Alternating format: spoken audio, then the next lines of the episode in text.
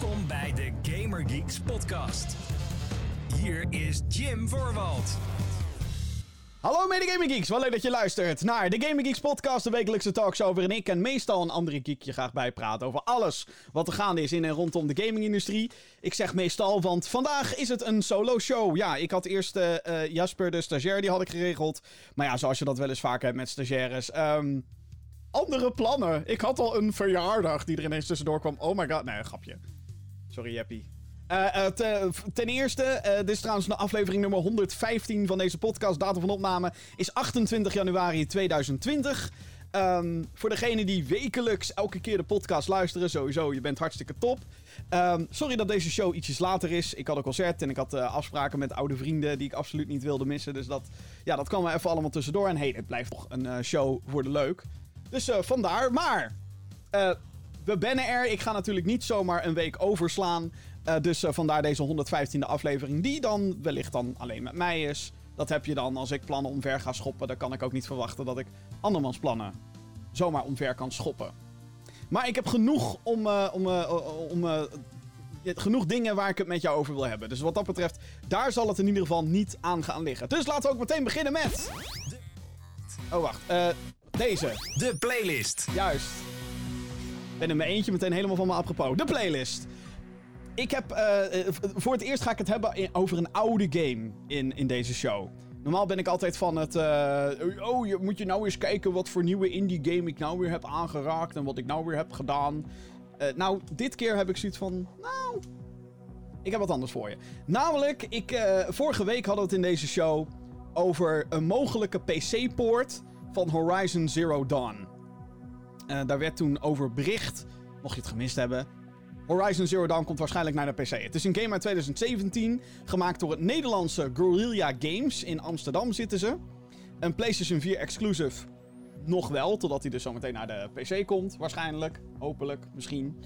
En eigenlijk een beetje naar aanleiding van dat nieuws. En ik had eh, al, weet ik hoeveel games had ik al van mijn checklist afgehaald.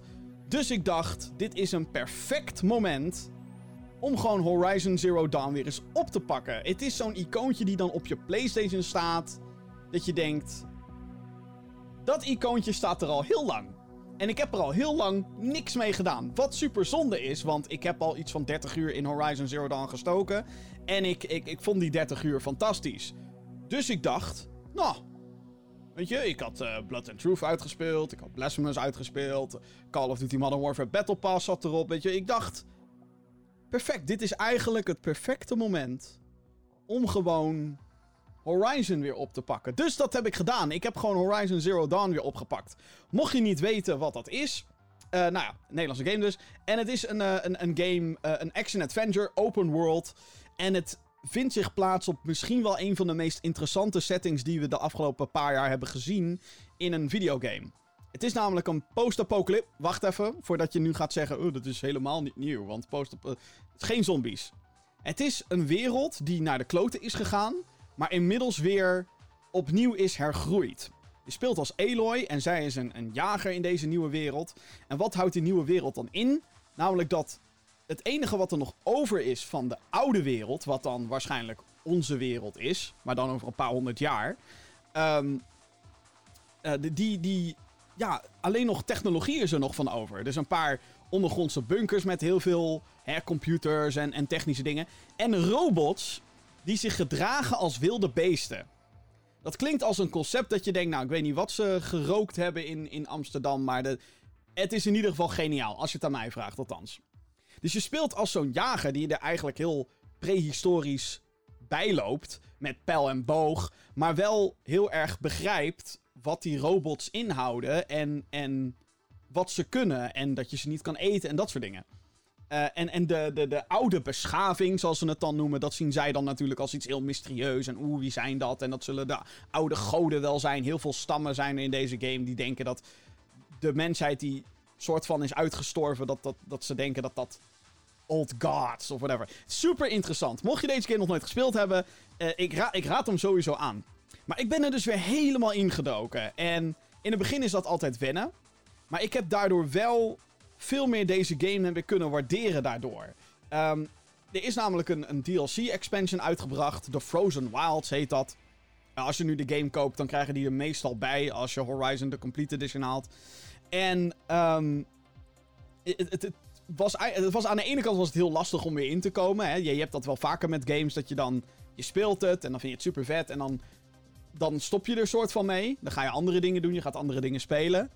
En dan na een hele tijd, dan start je een game weer op en dan denk je... Waar was ik in godsnaam mee bezig? Bij Horizon is dat natuurlijk ook een beetje zo. Bij elke grote game.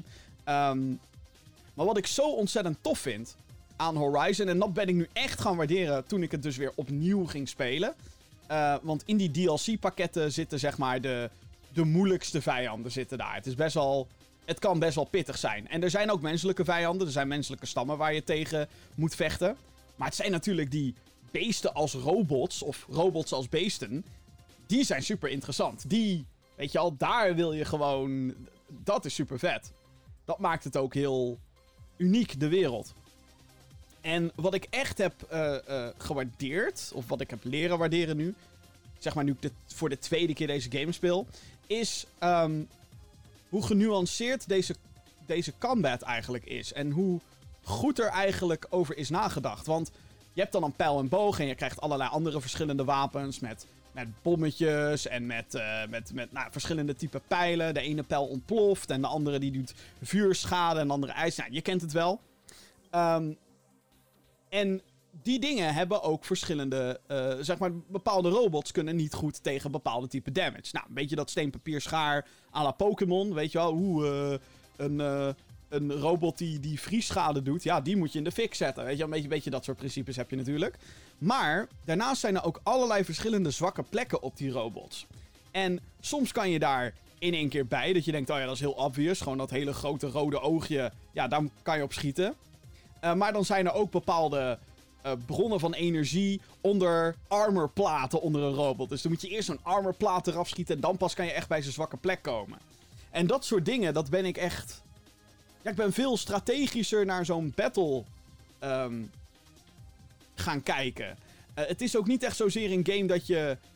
je kan wel improviseren, tuurlijk. Dat kan in de, hè, nou, altijd van in dit soort actiespellen kan dat. Maar het allerbeste is om, als je een, een, een vijandelijke robot ziet, of een, of een aantal vijandelijke robots, want dat is er natuurlijk nooit, nou ja, nooit. Het kan, heel vaak voorkomen dat je niet tegen eentje gaat vechten, maar tegen meerdere. Maar dat je dan een soort plan voor jezelf gaat maken. Oké, welke zwakke plek wil ik er eerst afschieten? Dat kan dan daarvoor zorgen, zodat ik dan misschien die andere robot kan uitschakelen en, en et cetera, et cetera. Uh, en, en als je dat plan goed uitdenkt en je voert het ook daadwerkelijk uit. je, je ziet, schiet de zwakke plek, dan gaat die robot in de fik. En dan krijgt die andere een beetje schade. Die is dan even, auw, auw, oh, ik sta in de fik. Dan kan je die andere, de, de, de kleinere robotjes even uitschakelen. Zodat je daarna de zwakke plek van die grote weer kan raken. Als je dat allemaal uitvoert, dan, dan kan zo'n plan dus daadwerkelijk werken. En ik vond dat zo vet toen ik eenmaal die groove te pakken had in dit spel. Dat duurde wel even. Maar als dat dan eenmaal lukt, dan denk je, oh ja, en dan is het in de game natuurlijk vaak zo dat als je dan denkt dat je alles door hebt, ah, easy, whatever. Uh, je, je pakt ook wat upgrades die jou helpen om die strategieën beter te voltooien. En vervolgens, ja hoor, komt er weer een andere type uitdaging. Of uh, uh, hè, worden de wapens van je ontnomen. Of er komt een nieuwe type robot. Of dat, dat, dat soort dingen allemaal. Ik vind het echt, echt een heel erg goed spel. En ik vond het zo. soort van tof dat ik het opnieuw kon ontdekken. En dat ik er een nieuwe waardering voor heb gevonden. Ik vond de game altijd al tof. En ik schaam me tot op de dag van vandaag dat ik hem nog steeds niet heb uitgespeeld. Maar ik ben er nou weer, nou weer uh, aan. Ik kan toch wel zeggen dat ik weer 10 uur er weer in heb gestoken. En dat ik zoiets heb van: oh, wat ben ik er blij mee eigenlijk? Wat is het toch eigenlijk vet? Dus bij deze, als je een PlayStation 4 in huis hebt en je hebt voor wat voor reden dan ook nog geen Horizon Zero Dawn gespeeld. Volgens mij is die game inmiddels best wel goedkoop als je naar je lokale gameboer gaat. Uh, digitaal weet ik niet, maar uh, vaak genoeg zie ik de disc in de winkel liggen met de DLC, expansion, whatever erbij, voor 15 euro. En dan denk ik, dat is eigenlijk gewoon te goedkoop voor woorden voor een game van dit kaliber. En als je dan liever zoiets hebt van, nou, ik speel dit liever op de PC. Wat ik al zei, de, de rumors over die PC-versie waren vorige week zo sterk... dat het mij dan weer heel sterk lijkt als er. Um, als het niet waar is. Zoveel websites hebben dat gemeld. Het moet waar zijn. De PC-versie komt eraan. En eh, ja, kom maar op met Horizon 2. Ook al heb ik deze nog niet uitgespeeld, by the way. Ik, geef me nog even wat tijd voor Horizon 2. Maar die komt er sowieso aan. Die is in ontwikkeling bij die mensen. En dat eh, weten we zeker. Althans, weten we zeker. Dat kunnen we gewoon wel zeggen. Hè? Dus officieel is het allemaal nog niet zo, maar we kunnen het zeggen. Oké, nou, um, nou, dat is eigenlijk een beetje wat ik gespeeld heb. Ik heb helemaal niks nieuws gespeeld nog. Ehm, wat eigenlijk ook wel even lekker is. Gewoon even niet die druk van, oh, 2020, er komen zoveel games uit. Nu hebben we nog een soort van pauze. En dat zeg, dat zeg ik nu wel, maar op het moment van opnemen kan elk moment Warcraft 3 Reforged live gaan. Wat een remake is of een remaster van Warcraft 3. Zin in. Uh, dus uh, de chaos van 2020 gaat alweer, uh, die gaat alweer beginnen. Maar dat maakt niet uit. Ik heb ontzettend veel zin in... Um, in, uh, om nog meer Horizon Zero Dawn te spelen, laat ik, uh, laat ik het zo zeggen. Zometeen in de Gamer Geeks podcast. Maar er zijn natuurlijk meer dringende zaken waar we het over moeten gaan hebben. En dat ga ik ook doen. Uh, een nieuwe game komt er bijvoorbeeld aan van de Xbox Studio Ninja Theory. Die kan je kennen van Hellblade, Senua's Sacrifice. En um, ja, we hebben het afgelopen paar weken gehad over het uitstellen van games. En er komt nog, echt waar, er komt nog meer uitstel aan. I'm just a messenger. Maar ja, er gaan nog meer games uitgesteld worden. En dat is kut nieuws. Nieuws. Oh ja, nieuws. Dat is ook fijn. Um, ja, er is weer het een en ander gebeurd natuurlijk uh, de afgelopen week. En ik begin met een, um, een bericht over ontwikkelstudio Housemark. Ja, die gaan namelijk uh, een nieuwe game maken. Ja, de, zou je denken. Maar um, er is een klein, klein beetje informatie is over naar buiten gekomen. Uh, ontwikkelstudio Housemark heeft uh, dus iets groots aan te kondigen. Maar wat het precies gaat zijn, dat weten we nog niet precies.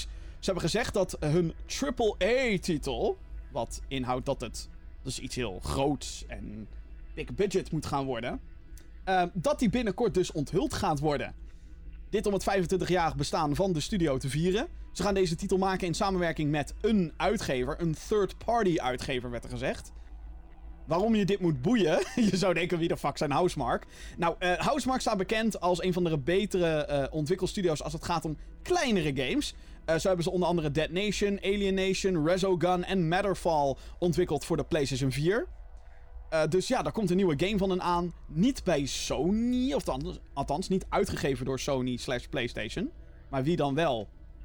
Als ik een gokje moet wagen, dan denk ik Activision. Waarom? Omdat ze vorig jaar Sekiro hebben gedaan. Wat ook ineens dat je denkt. Huh? Uh, dit heeft wel als gevolg, trouwens, dit nieuws. Dat het project waar ze eerst mee bezig waren, Stormdivers, nu in de koelkast gaat. Dit moest een nieuwe Battle Royale game worden. In de trant van Apex Legends en PUBG en Fortnite. En nou ja, je kent het wel. Um, gezien de relatie die de studio heeft gehad met PlayStation, kan het wel zomaar zijn dat we meer van deze mysterieuze game te zien gaan krijgen tijdens de onvermijdelijke PlayStation 5 onthulling. Um, waarvan het gerucht gaat dat dat in februari gaat gebeuren. Nou, um, ik ben zeg maar blij voor deze studio dat ze kappen met die Battle Royale game. Ik bedoel, de, het Battle Royale genre is verzadigd. Ik denk niet dat een, een, een...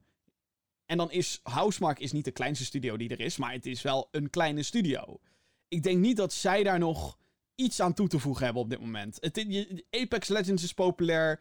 PlayerUnknown's Battlegrounds is populair. Fortnite is natuurlijk nog steeds ultra populair. En heb je een paar kleinere Battle Royale games die dan... Haha, leuk, weet je wel. Het is, het is leuk. Maar je merkt al vaak dat het de aandacht niet weet te houden van mensen. En... Sorry, maar dat Stormdivers, dat zag er niet uit. En ik, ik, ik, het, het, is, het was echt een lelijke game. En ik zeg dat niet graag. En je kan natuurlijk zeggen, Jim, het was niet af. Klopt, het was ook niet af. Maar um, ik weet niet wat zo'n studio die zeg maar hele interessante, toffe kleinere games maakt, waarom hun ineens denken: laten we Battle Royale gaan doen. Ik vond het altijd al een slecht idee. Dus ik vind het dan ook meteen goed dat zij zeggen: fuck dat, we gaan iets anders doen. Een AAA-ding. Of dat dan weer een goed idee is, dat weet ik niet. Maar het Battle Royale vermijden is zeg maar goed. De enige nieuwkomer die nu nog iets kan doen in een Battle Royale. In de Battle Royale space, dat is Call of Duty Modern Warfare omdat het Call of Duty is, zeg maar. De grootste shooter ever. Weet je wel, het is Call of Duty. Dus kan je daar iets tegen doen? Nee. Dus als zij dan battle... Weet je, dat kan. Maar Housemark, en, en ik vond uh, een aantal van hun games die ik gespeeld heb, vond ik echt fantastisch. Dead Nation is zo'n leuke game. Zeker als je met iemand naast je bank. Het is eigenlijk gewoon heel simpel van bovenaf zombies schieten. Maar dan wel echt heel erg leuk en heel goed in elkaar gezet. En Resogun is een soort arcade-achtig spelletje. Dat was een launchtitel voor de PlayStation 4 trouwens. Ja, zeven jaar geleden. En Matterfall is ook heel ouderwets, maar dan op de leuke manier. Dus dat, dat, is, uh, dat is wat ze vooral goed kunnen. Dus ik hoop eigenlijk dat een game ook een beetje die, uh, die filosofie, dat die dat blijft volgen. Dus dat, dat we weer een ouderwetse game krijgen. Weet je wel, met, met, met een beetje zoals wat Doom Eternal eigenlijk gaat worden. Gewoon een ouderwetse game in een modern jasje.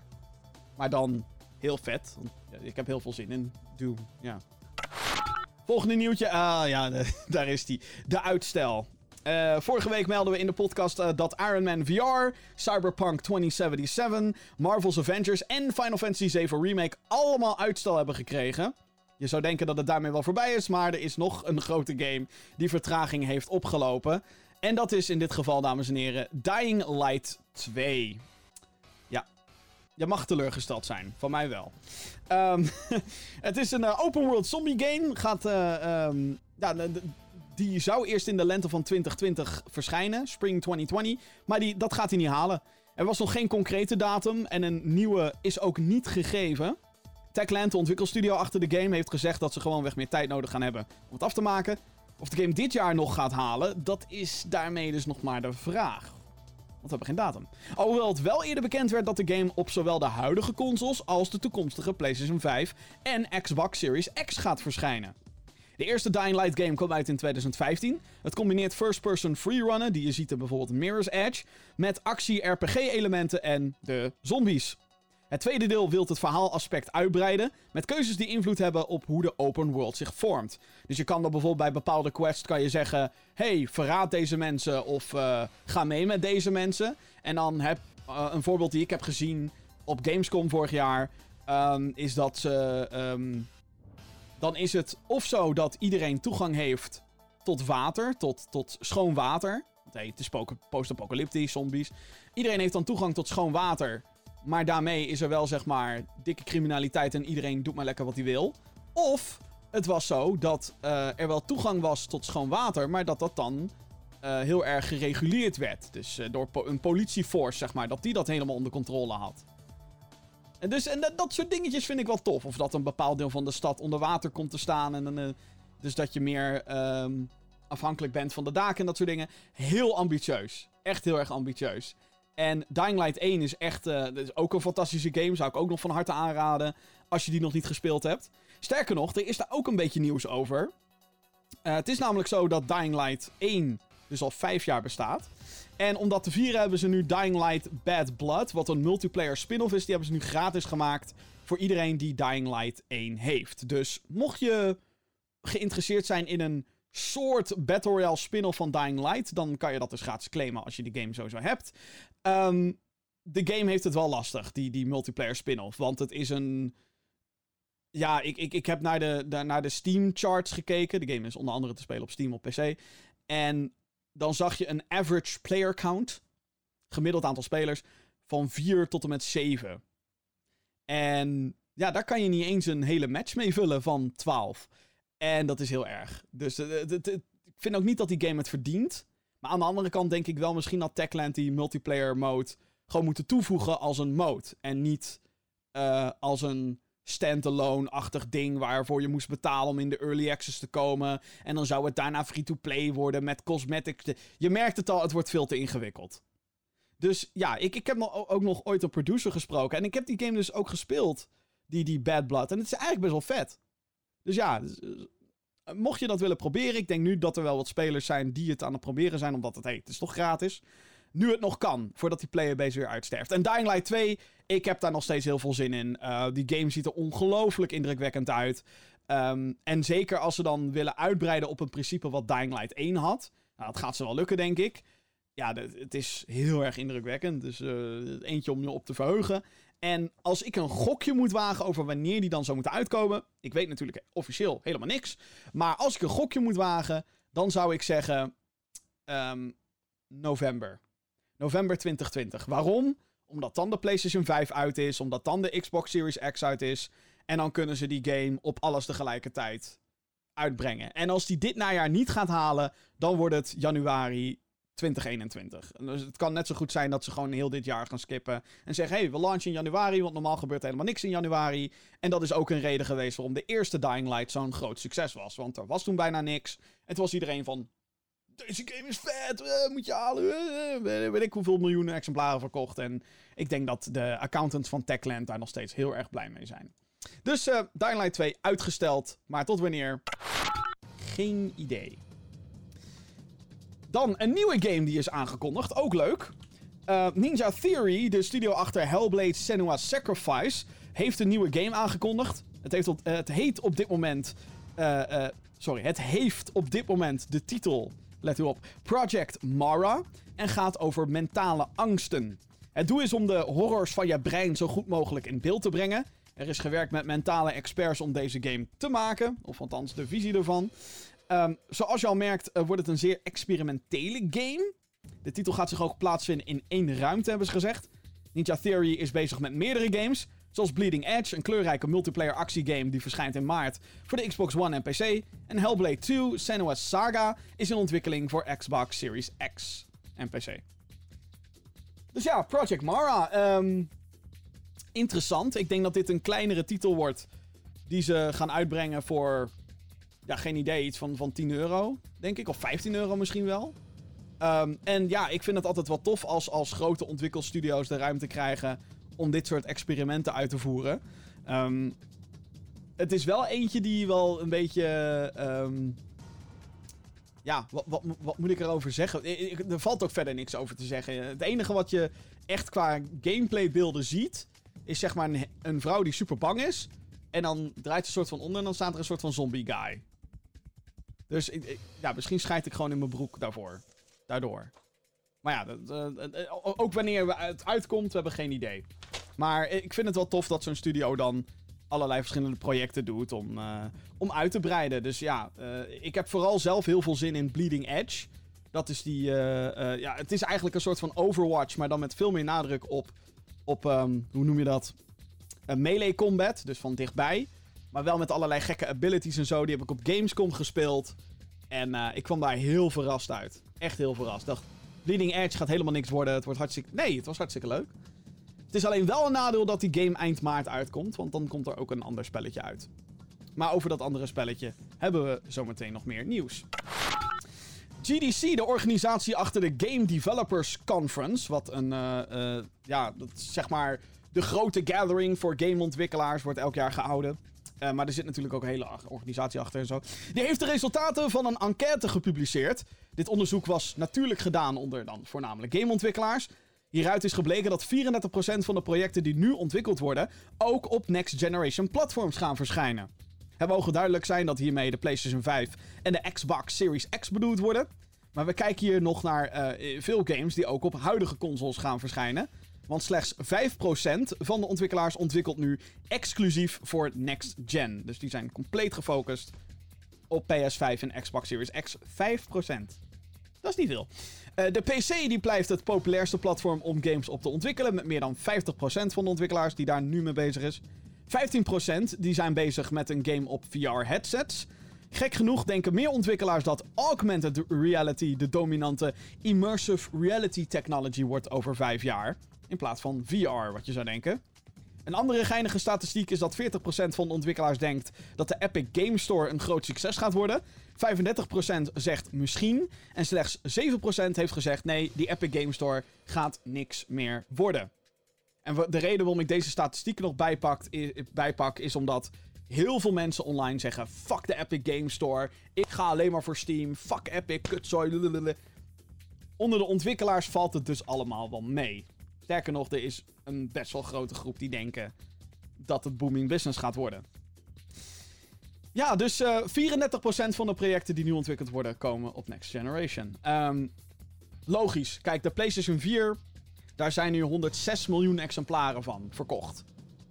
Dat zijn er heel veel. Dat betekent niet dat 106 miljoen verschillende mensen um, allemaal een PlayStation hebben. Want hey, uh, je hebt mensen die bijvoorbeeld uh, een PlayStation 4 in een andere kamer hebben gekocht. Of eh, van de PlayStation 4 geupgrade zijn naar de PlayStation 4 Pro. En hetzelfde geldt ongetwijfeld voor de Xbox One. Alleen weten we niet hoeveel Xbox One units er zijn verkocht. Omdat Microsoft die cijfers al jarenlang niet meer publiceert. En de reden daarvoor is omdat uh, ze natuurlijk ingemaakt worden door PlayStation. Maar, um, dus er is zeg maar niet, nu niet de noodzaak om te zeggen: oh shit, we moeten nu met z'n allen alleen maar voor de, voor de volgende generatie gaan ontwikkelen. Het is natuurlijk ook duur en heel veel mensen hebben nog niet de zogeheten development kits waarmee je dat effectief kan doen. Je kan wel een soort gokje wagen van nou, uh, die dingen zullen deze krachten hebben en uh, dus maken we die game zo en dan hopelijk draait het goed. Nou, dat is nooit echt slim. Want dan ben je achteraf alleen maar bezig om die zooi te fixen in plaats van dat je met zekerheid weet dat iets gaat draaien. Uh, maar uh, ja, het, interessante statistiek. Dus een derde uh, en dat zijn er heel veel. En we weten inmiddels ook wel zo goed als zeker dat de nieuwe consoles, dus de PlayStation 5 en de Xbox Series X, van de Xbox weten het sowieso al, die gaan de games van PlayStation 4 en Xbox One ook gewoon kunnen draaien. Dus wat dat betreft is het ook geen tussen aanhalingstekens risico om nu je game volledig te richten op PlayStation 4 en Xbox One. Want hey, het valt toch te spelen op de nieuwe doos, dus als je game interessant genoeg is, ja, wat boeit het wat voor dist dan in dat gleufje zit van die nieuwe console? Dat klonk heel smerig, was niet de bedoeling. Maar, ja, dat wel. Uh, Oké, nou, uh, dat een beetje over next-gen ontwikkeling, dames en heren. Dan we moeten we even schreeuwen met z'n allen. Kombat! Want Peggy, Peggy, de leeftijdsclassificeringsorganisatie voor games in Europa, heeft namelijk een rating gegeven een klassificering dus, aan uh, Mortal Kombat Collection Online. Ja, ik heb die titel. En dan is Collection natuurlijk ook met een K. In echte Mortal Kombat fashion. Ja. Een game waarvan we overigens nog niet officieel wisten dat deze bestond.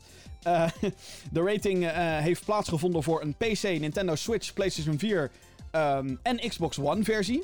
Zoals je zou verwachten heeft het een PEGI 18 stempel gekregen. Vanwege geweld. Uiteraard. De collection gaat waarschijnlijk ports bevatten van Mortal Kombat 1 tot en met 3. Dit zijn de arcade klassiekers uh, die in de eerste helft van de jaren 90 verschenen. Er was al eerder een collectie uitgebracht op PlayStation 3, Xbox 360 en PC. Een tijdje geleden. Uh, maar uh, die laatste versie, PC, is gewoon helemaal niet meer speelbaar vanwege de Games for Windows live service. Een dienst die niet meer online is. Ik heb die shit op Steam. En ik kan het gewoon niet meer spelen. Want dan vraagt hij om een of andere access code. Van een of andere account. Wat natuurlijk niet meer bestaat omdat die hele fucking dienst offline is. Fuck you, Microsoft. Nog steeds. Op de Peggy-pagina wordt vermeld dat er upgraded art, gameplay en online features. Uh, uh, ja, dat dat allemaal erin gaat zitten. De release date zou staan op 21 januari 2020. Maar aangezien dat al in het verleden ligt op het moment van opnemen. dan is het nog maar de vraag wanneer we dit daadwerkelijk kunnen verwachten. Dus ja, Mortal Kombat 1, 2, 3. Um, ik heb daar jeugdherinneringen aan. Uh, ik weet nog wel, als een heel klein gymmetje had ik de gecensureerde versie van Mortal Kombat 1 op de Super Nintendo. Um, daar was er geen bloed, maar dan was het ineens zweet. Omdat Nintendo in de jaren 90 nog uh, preutser dan preuts was. En die wilde niet dat het bloed uit de arcade versies, wat overigens super populair was toen, uh, dat dat hè, in de huiskamer beland, zou belanden. maar op de Sega-console was dat toen wel. Mortal Kombat 2 was overigens wel gewoon vol bloed en zo. En, eh, ik heb echt best wel veel uurtjes gespendeerd aan uh, het spel. Dus best wel, uh, ja, best wel tof. Ik weet niet in hoeverre er een actieve playerbase zou zijn als, als dit inderdaad verschijnt. Ik weet niet hoeveel behoefte is om de oude games continu online te spelen. Maar um, ja, wel leuk dat het eraan komt. Denk ik dan. Ik zou eigenlijk ook niet eens weten of ik het wel zo. Ja. Hm is ook zo'n rare timing, want Mortal Kombat 11, de nieuwe Mortal Kombat, gaat ontzettend lekker. Er is ook weer een nieuwe DLC-character uitgebracht, de Joker. Vind ik er niet uitzien persoonlijk, maar hey, die ben ik. Um, ja, ik vind, ik vind het gewoon een soort rare keuze eigenlijk wat hier, wat, hier, wat hier gaande is als het gaat om de timing. Ja, voor hetzelfde geld komt hij in een of andere dode periode uit. Dood, Mortal Kombat. Hè. En uh, dat. Ik, ik, ik, weet het niet echt met, met deze. In Duitsland heeft Nintendo een rechtszaak gewonnen die te maken heeft met hun digitale distributie. Oftewel de Nintendo eShop voor degenen die op de Nintendo Switch wel eens games kopen online. Ehm, Nintendo is met deze uitspraak niet verplicht om geld terug te geven als je een digitale pre-order niet meer wilt hebben. Het is nogal een eh, complexe situatie dit. Het eh, heeft te maken met bijvoorbeeld het preloaden van spellen. Waarin Nintendo technisch gezien, dus op het moment dat jij hè, een, een, een, een game een paar dagen voordat die uitkomt, bestelt online op je Switch, dan kan je hem vaak al wat dan heet preloaden. Dus dan downloadt hij alvast alle data. Uh, maar dan kan je nog niet spelen. Want hey, de release data is er nog niet. Nou, op het moment dat dat gebeurt, heeft Nintendo natuurlijk technisch gezien het product al geleverd. En dus kan je in de huidige, in ieder geval de Duitse wet, uh, is het dan zo van ja. Uh, dan is, geld dan is Nintendo niet verplicht om jou, hun, om jou geld terug te geven als je op dat moment zegt ik hoef niet meer. Ja, uh, vele gamers die zijn dus niet blij met deze uitspraak. Wat misschien wel logisch is, omdat je nog geen toegang hebt tot de content. Uh, wanneer je deze digitaal gepreorderd hebt, maar je dus wel 60 euro kwijt bent. Mocht je nog bedenken. Duitse en Noorse instanties gaan al in hoger beroep tegen deze uitspraak. Tot die tijd moet je dus oppassen met het digitaal pre-orderen op Nintendo-platforms. Want stel, weet ik veel, er komt iets tussen. Um, ik heb afgelopen najaar ook gehad dat ik. Uh, ik dacht tijdens Black Friday-periode, dacht ik. Ik denk dat ik gewoon een 4K-TV ga kopen. Ik heb nog geen 4K-TV. En ik dacht, weet je, tof. Volgend jaar komen dan die nieuwe consoles. En dan heb ik alvast een 4K-TV. Ik bedoel, ik doe nu, nu nog op uh, 1080p. Uh, is allemaal prima voor de huidige consoles. Maar hè, nieuwe consoles, nieuwe televisie, prima. En toen ging de airco van mijn auto stuk. En dat kostte mij 1300 euro. En weet je, als je, als je, als je een beetje krap zit qua geld en zoiets gebeurt, of je wasmachine gaat stuk of weet ik het wat allemaal.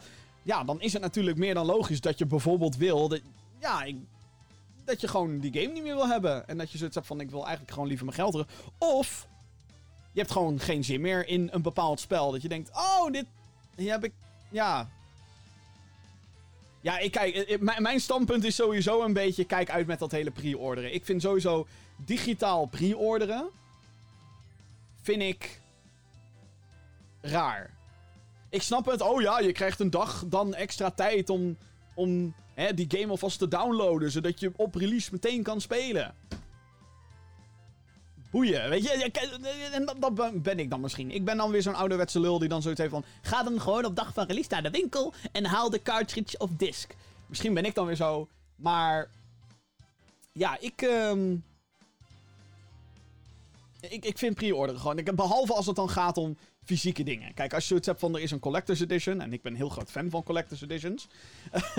tuurlijk moet je die, die, die pre-orderen. Uh, gelimiteerde opgave, bla bla bla bla. Als je echt dat, dat hoesje in huis wil. Ja, dan is het ook wel logisch dat je die van tevoren bestelt bij een webwinkel. Omdat dat natuurlijk naar je verstuurd moet worden. Alleen met digitaal, ja, ik, ik weet. Hmm, misschien ben ik gewoon heel ouderwets op dat front. Maar uh, desalniettemin is het natuurlijk niet heel netjes van Nintendo dat zij zoiets hebben van. We gaan jouw geld niet teruggeven. Want fuck you. Het is echt, het is echt gewoon een dikke middelvinger naar iedereen. Gewoon. Terwijl ze het makkelijk kunnen. Ze kunnen het zich ook makkelijk veroorloven. Het is niet alsof Nintendo in zwaar financieel weer zit. En dat dit uh, een manier is voor hun om, om hun, uh, hè? Om nog te overleven of zo. Is fucking bullshit. Dus, ja. Oeh. Het is natuurlijk goed dat die um, instanties uh, in hoger beroep gaan tegen deze shit. Maar dit is gewoon heel erg um, consumentonvriendelijk, zoals we dat dan zeggen. Je kan hiermee bekend naar kassa gaan. Niet dat hun altijd het beste argument hebben, maar hey. Uh, en zeker niet tegen Nintendo. Uh, en ik vind het ook raar dat Nintendo zich hier tegen verzet. Want hey, Nintendo is deze rechtszaak aangegaan, weet je wel. Die hebben gewoon gezegd nee. Dus ik vind dat...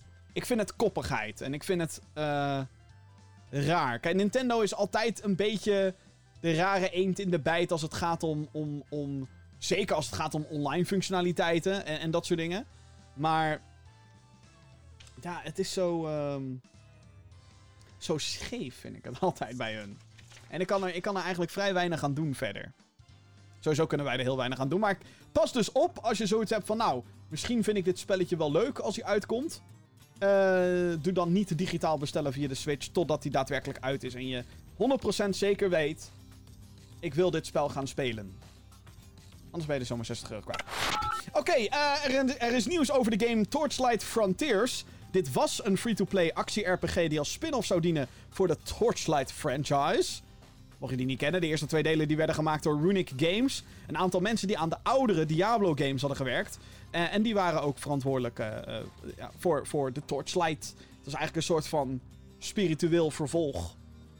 Terwijl er ook gewoon een Diablo 3 natuurlijk kwam. Maar Torchlight kwam daar soort van tussenin. Het zijn hele leuke games trouwens. Na heel wat alpha-tests is het plan voor de nieuwe game nu omgegooid. Torchlight, uh, Torchlight Frontiers wordt nu namelijk Torchlight 3.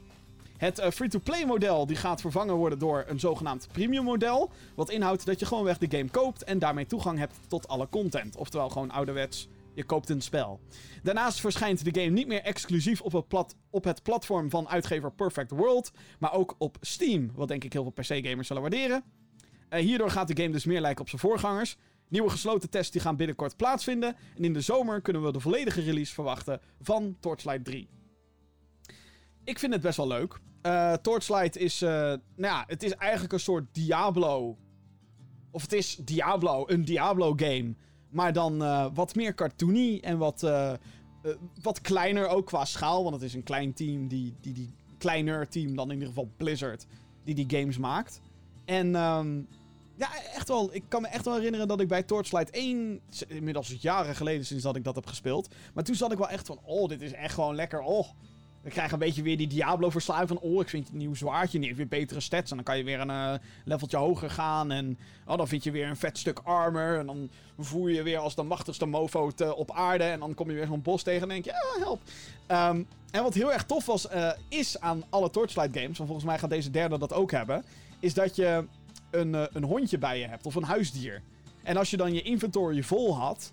Wat best wel vaak gebeurt in dat soort games. Dat je gewoon van alles en nog wat oppakt. Want je wilt ook shit verkopen. Zodat je daarmee weer hè, andere dingen kan kopen in, in de game. En dan heb ik het over gewoon in-game. Weet je wel, in, in de game gold. Dus niet echt geld, maar gewoon in de game. Um, en je had dan zo'n huisdier bij je. En die kon je dan gewoon een shitload aan spullen geven. En die kon je dan wegsturen. Zo van, ga maar naar town en verkoop alles. En dan kwam die na een minuutje kwam die terug.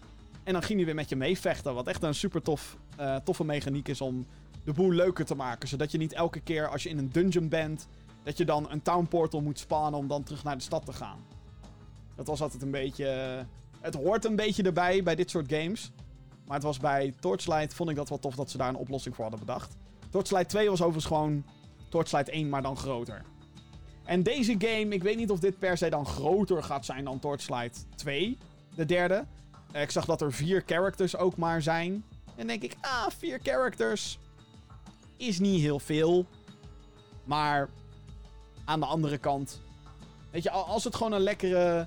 Gewoon een lekkere game is. Als een soort van opwarmetje voor Diablo 4 die eraan zit te komen. Dan prima. Ik hoop alleen wel dat ze op een moment gaan verschijnen dat niet iedereen op vakantie is. Maar ook niet in een periode waarin er al heel veel games uitkomen. Want dat begint dan toch wel een beetje te komen de aankomende paar maanden. Dat de grote games die komen langzaam. En hebben we dan nog wel tijd voor iets kleiners zoals Torchlight 3? Geen idee. En het is ook echt heel lang geleden sinds dat Torchlight 2 uitkwam. Dus of die interesse er überhaupt nog is, dat is nog maar de vraag. Dan uh, voor mij, uh, ja, ik, als je vaker naar deze show hebt uh, geluisterd, dan weet je dat ik groot fan ben van Doom. Doom 2016 was mijn favoriete game van het afgelopen decennium. En uh, Doom, de, de originele Doom is uh, wat mij betreft een van de beste games ooit gemaakt. Dus dan weet je een beetje hoe belangrijk dit voor mij is, dit nieuws. Hugo Martin, de regisseur van het aankomende Doom Eternal, heeft op Facebook gezegd dat er geen microtransacties in de game gaan komen. Oh, wat ben ik daar blij mee, jongens. Oh. Uh, zorgen hierover werden opgewekt nadat duidelijk werd dat er in-game kostuums unlocked konden worden met bepaalde punten. Waardoor je natuurlijk meteen denkt, oh ja, we kunnen wel die punten kopen. En, weet je wel. Martin benadrukt dat dit allemaal door gameplay verdiend kan worden en dat ze niet om extra geld gaan vragen.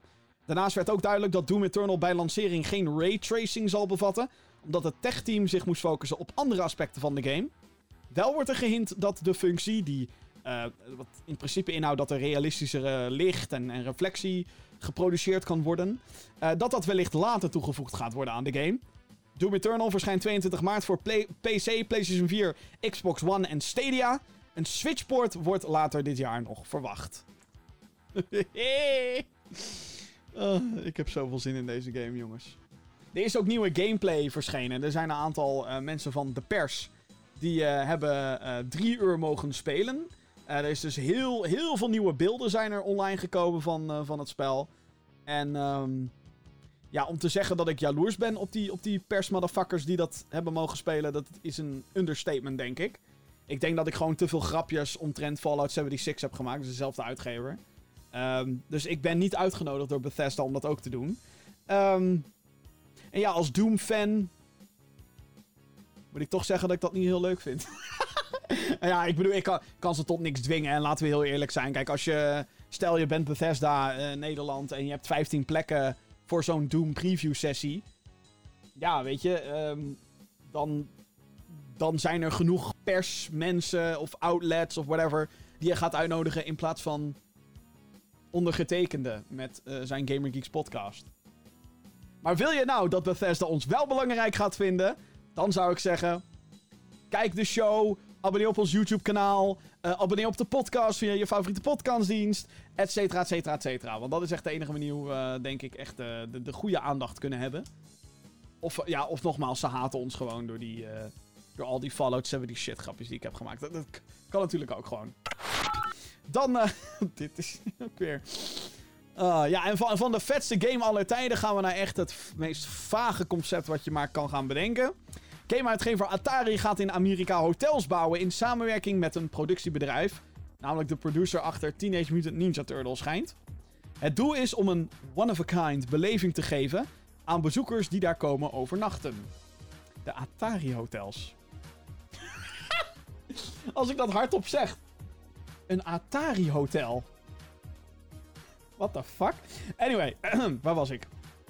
Oh ja, de hotels uh, moeten het. Uh, oh nee, wacht. We hebben one-of-a-kind beleving. Ja, dat. Gezegd is dat er virtual reality en augmented reality ervaringen te spelen zullen zijn op de locaties. De hotels moeten het middelpunt gaan vormen tussen modern en retro. Het eerste hotel wordt in het midden van dit jaar nog gebouwd in Phoenix, Arizona. Andere vestigingen komen naar Austin, Chicago, Denver, Las Vegas, San Francisco, San Jose en Seattle.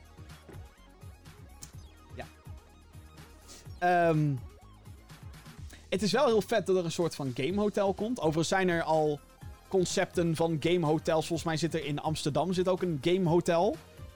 Maar dat houdt dan eigenlijk in principe gewoon in dat jouw hotelkamer een beetje met een Mario behangetje en uh, dat er een Super Nintendo onder de televisie staat. Een beetje dat, dat idee.